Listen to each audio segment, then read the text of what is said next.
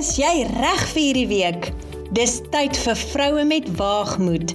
Ek is Marina Meiburg. Skep saam met my nuwe moed uit God se woord. Hallo liewe vriendin. Kan jy glo? Vroue met waagmoed was verlede week al werklik 1 jaar oud. Baie dankie vir jou wat elke week saam met my kuier Die pot gooi deel met iemand anders. Hierdie bediening is moontlik omdat jy daar is en dit ondersteun. Daar kan mos nie 'n bediening vir vroue wees sonder vroue nie. So, daarom baie dankie opreg uit my hart uit. Ek waardeer jou. Ons kuier vandag voort met Maria en fokus op haar moederskap. Ek is baie seker dat ek en jy vandag iets gaan leer oor waagmoed vanuit Maria, die moeder van Jesus se lewe. Hierdie verhaal word reg deur die evangelieboeke vertel. In verlede week se kuiertjie het Maria die tyding gekry dat sy, 'n jong maagd van Nasaret, uitverkies was om die moeder van Jesus Christus, die verlosser van die wêreld te wees. En ons het haar waagmoed om God op sy woord te neem baie duidelik geopenbaar gesien. Hierdie jong meisie met onwankelbare waagmoed en absolute geloof in God het in vandag se kuiertjie alreeds 'n moeder geword. Kom, kuier saam met my verder, saam met Maria, die moeder van Jesus Christus. Hoe opgewonde is ek en jy wanneer daai bonneltjie vreugde in ons arms geplaas word. Ag, hoe dankbaar en trots is ons nie. En as dit jou oudste is, hoe onvoorbereid en dalk 'n bietjie bangerig voel ons nie. Niemand kan werklik voorbereid wees op jou kind se opvoeding, lewensbesluite en die leefstyl wat hy of sy gaan volg wanneer jy daardie pragtige baba vir die eerste keer styf teen jou hart vasdruk nie. Dit neem werklik waagmoed om 'n ouer te word en die verantwoordelikheid van ouerskap op te neem. Met die geboorte van 'n baba droom ons mos oor alles wat wonderlik is en het so 'n groot verwagting oor ons baba se toekoms. Wel. Maria het geweet dat haar oudste seun spesiaal was. Sy het in haar hart onthou van die engelboodskap van die sterrekykers en die ster en sy het ook al die profeseë geken.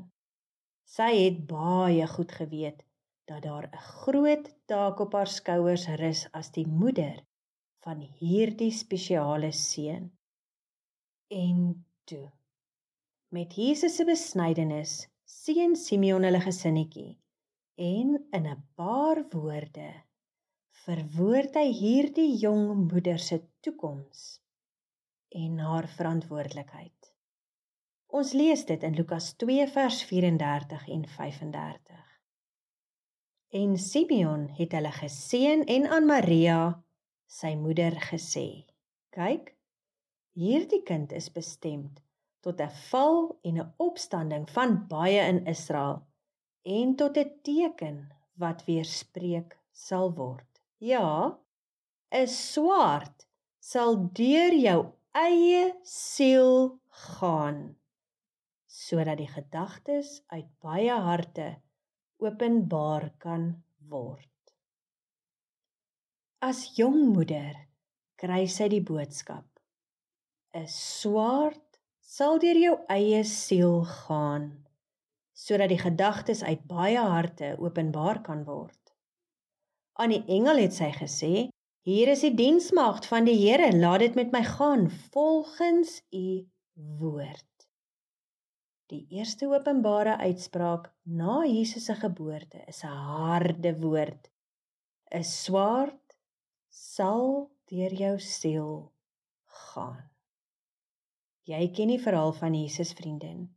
Jy ken die vervolging, die haat, die wonderwerke, die lering Jy ken Jesus se pad. Sy moeder het die pad langs hom geloop. Sy het aangemeld vir diens.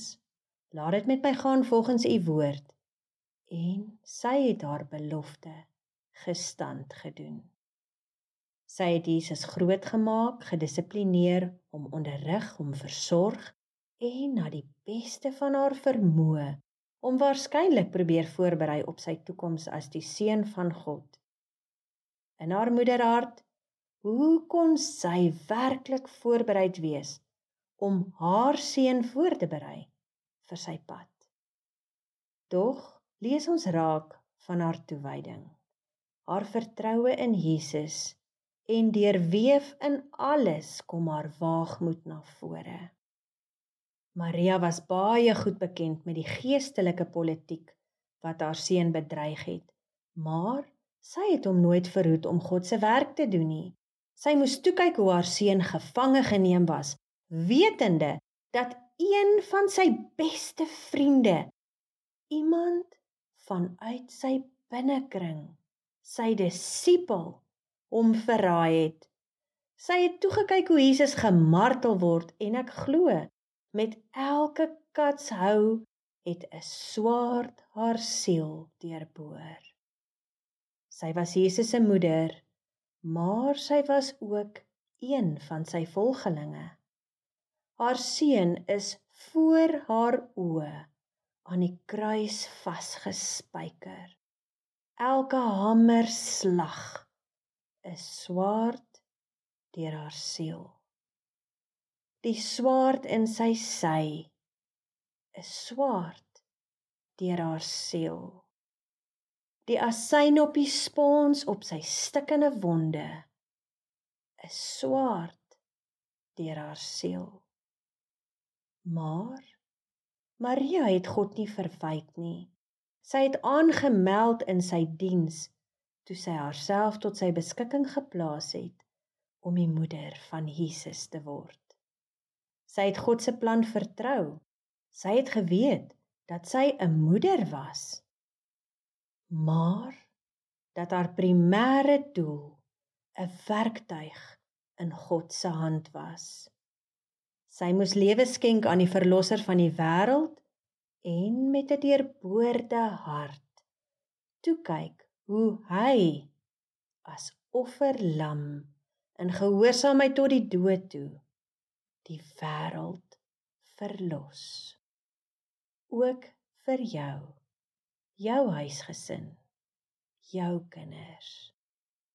Maria was die enigste persoon wat Jesus se geboorte ervaar het sy opvoeding behartig het sy navolger was sy dood meegemaak het en selfs na sy dood en opstanding gewag het op die uitstorting van die Heilige Gees op God se woord en op haar seun se woord gehoorsaam 'n vrou van geloof 'n vrou wat haarself tot beskikking van God geplaas het ongeag die prys wat sy daarvoor betaal het Ja. 'n Vrou van waagmoed. Ek sou so graag nog lank met jou wou saamkuier oor hierdie kosbare vrou se lewe. Ek het navorsing gedoen oor die dagboek van Jesus se moeder en dit is nogal iets wat my baie na aan die hart is. So dis vir my lekker om vandag saam met jou te kuier oor hierdie onderwerp. Maar kom ek en jy sien raak hoe Maria op God se woord haar verantwoordelikheid as moeder opgeneem het in die dissipline, opvoeding, ondersteuning, vertroue en geloof in God se plan vir haar kind se lewe. Sy het nie God se pad in haar kind se lewe probeer blokkeer toe dit moeilik raak nie. Sy het God aanhou vertrou, selfs al het dit gevoel 'n swaard deurboor haar siel keer op keer op keer. Sy het nie probeer handjie bysit waar sy voel dit gaan nou te rof met haar kind nie. Sy het God vertrou. Vriendin, kom ek en jy vertrou God onvoorwaardelik met 'n hart propvol van waagmoed oor ons kinders se lewe en toekoms. Selfs al voel dit partykeer of 'n swaard ons siel deurboor. Vriendin, vat God op sy woord. Vertrou hom. Jy is 'n vrou van waagmoed. Seën vir die week wat voorlê.